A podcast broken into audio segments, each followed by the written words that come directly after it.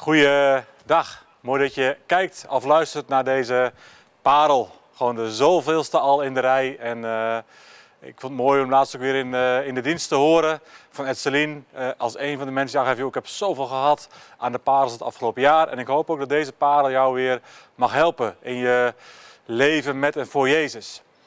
Eh, ik begin even bij mijn dooptekst. Toen ik in 2003 werd gedoopt in deze gemeente, toen kreeg ik de prachtige tekst mee, Deuteronomium 31, vers 6. Dat begint met die woorden aan het volk, wat later ook heel vaak aan, aan wordt gezegd. Wees sterk en moedig. Eh, en dat is een, een tekst, een dooptekst, eh, ja, die ik ook echt wel heb ontvangen. En waar ik door de jaren heen ook echt eh, veel aan heb gehad. En ook af en toe op terug heb gegrepen van ja, nu komt het erop aan. Nu is het belangrijk om sterk en moedig te zijn, niet te vrezen. En ook te vertrouwen dat God erbij is op de weg die ik ga. Want dat, dat staat er ook in. Hij zal u niet begeven, hij zal u niet verlaten. Wees sterk en moedig, Arjan. En dat is soms nodig. Maar tegelijkertijd roept de Bijbel ook op, eh, wees vooral niet te sterk, maar wees zwak.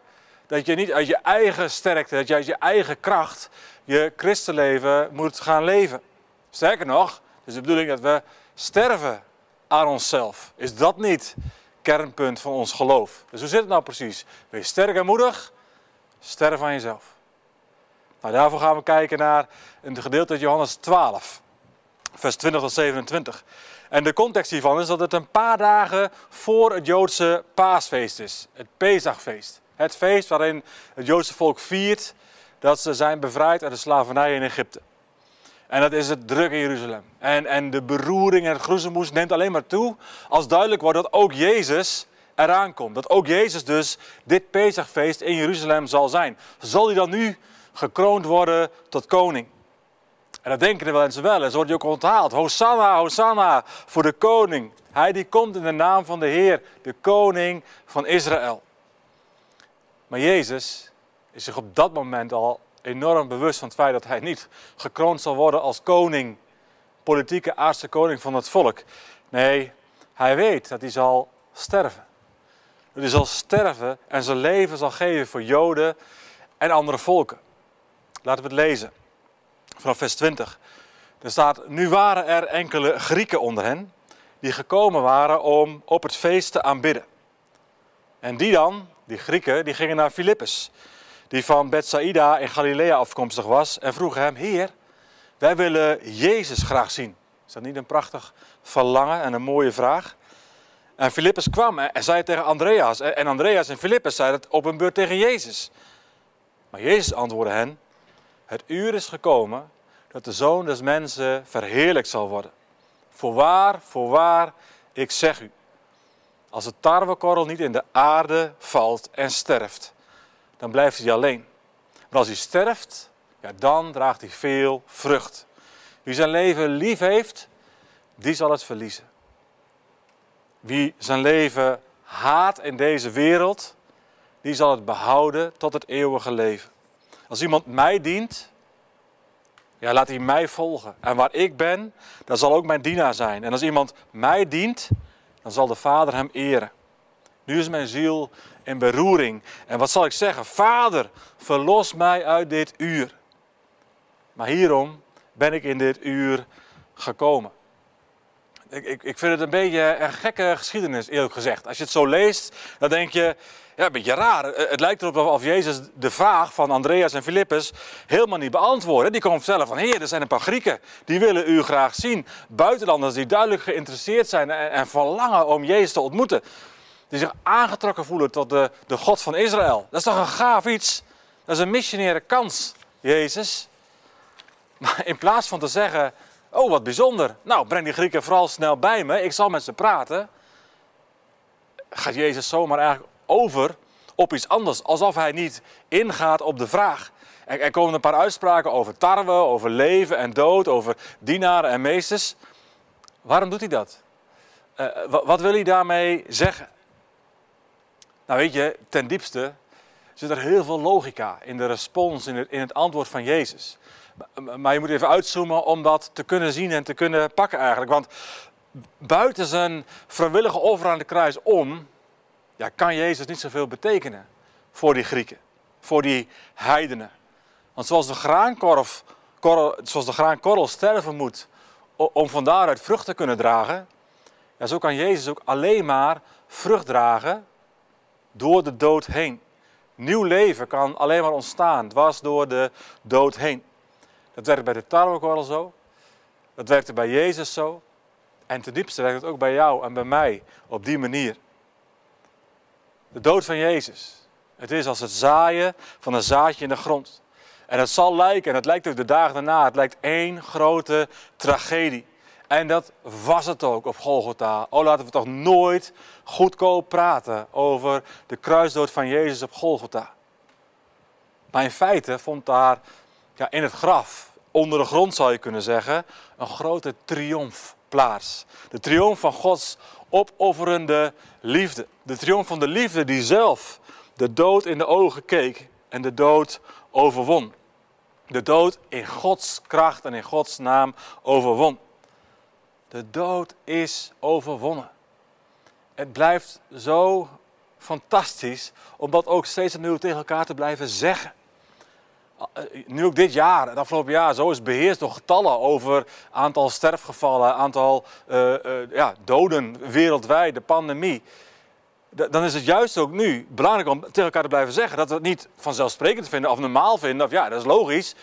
Beseffen we dat wel, hoe bijzonder het is dat de dood voor eens en voor altijd is overwonnen, doordat Jezus stierf als een graankorrel. Maar vond Jezus dat leuk? Was het een fijne weg? Was het een makkelijke weg? Was het een eenvoudig offer? Nee, absoluut niet.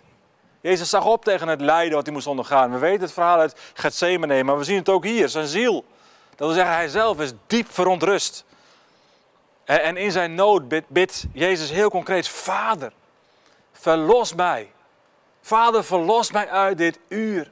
Och, laat toch die beker alstublieft voorbij gaan. Maar toch daarna het besef van Jezus. En daarmee ook de overgave. Ja, maar, maar hierom, om te sterven aan het kruis, ben ik in dit uur gekomen. Om mijn leven te geven voor de Joden. En ook voor die Grieken. En ook voor de Groningers.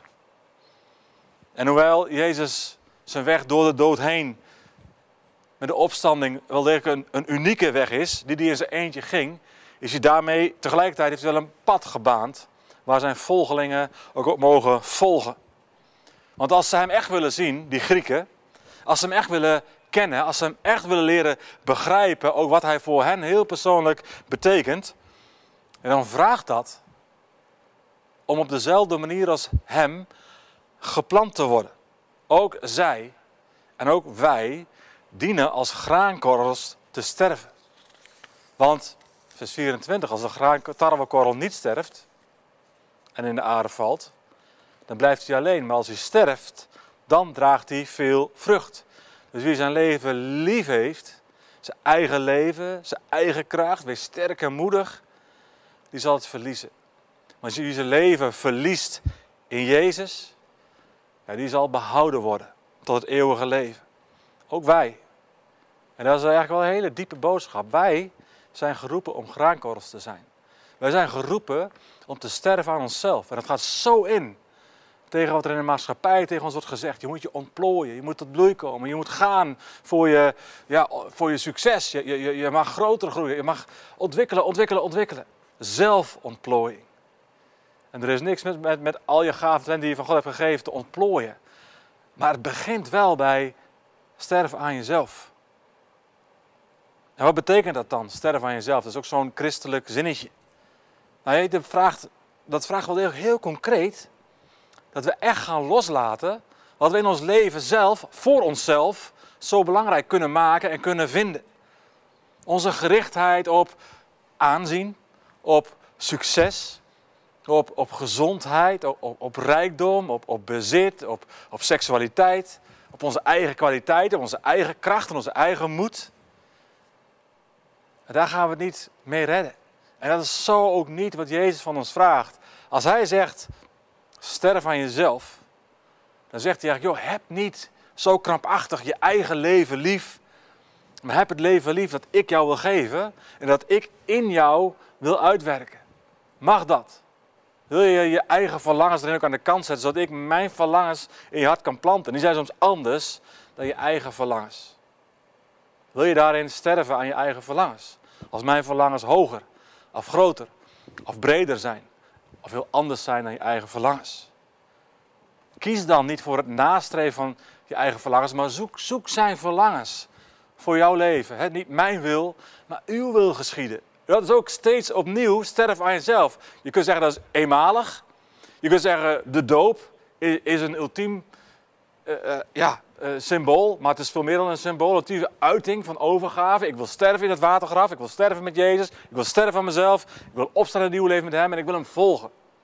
Maar elke dag opnieuw is het ook sterven aan jezelf. Is het ook steeds de vraag stellen: ja, maar niet mijn wil, maar uw wil geschieden. Heer, wat betekent dat in deze situatie? Wat betekent dat vandaag? Wat betekent dat vandaag in mijn huwelijk? Wat betekent dat vandaag in mijn werk? Wat betekent dat vandaag in mijn omgang met mensen die me lief zijn? Wat betekent dat vandaag in mijn omgaan met geld, seks, macht? Noem al die dingen maar op die voorbij kunnen komen. Wat betekent het vandaag en hoe ik mij uit op social media? Heer, sterf aan mezelf is bij vandaag weer de vraag stellen, niet mijn wil. Maar uw wil geschieden. En hoe ziet dat eruit vandaag? Want als je op die manier sterft, als je op die manier steeds opnieuw, elke dag opnieuw, Gods wil ja, boven je eigen wil stelt en daar ook naar handelt, daarnaar wandelt, bereid om te luisteren en te doen. Het mooie is, dan zul je zo ongelooflijk veel vrucht dragen voor hem, voor de koning. En dat zal zo ongelooflijk veel voldoening geven. Vrucht dragen voor de koning, dat zijn dingen, preventie, hebben eeuwigheidswaarde. En dat geeft, en dat voelt niet altijd zo, en dat zien we niet altijd zo, en dat beleven we niet altijd zo, maar ten diepste geeft zoveel meer voldoening dan aanzien, dan succes, dan rijkdom, dan seks. Dan noem al die dingen maar op waar je ogenschijnlijk zoveel bevrediging in kunt ervaren en ontvangen. Vrucht dragen voor eeuwigheid. Eh, eh, meer voldoening is er niet te vinden in dit leven. En ik wens je toe dat jij ook vandaag opnieuw voor het eerst sterft aan jezelf. Gods wil boven je eigen wil plaatst en van daaruit vrucht draagt voor de koning. Een gezegende dag. Amen.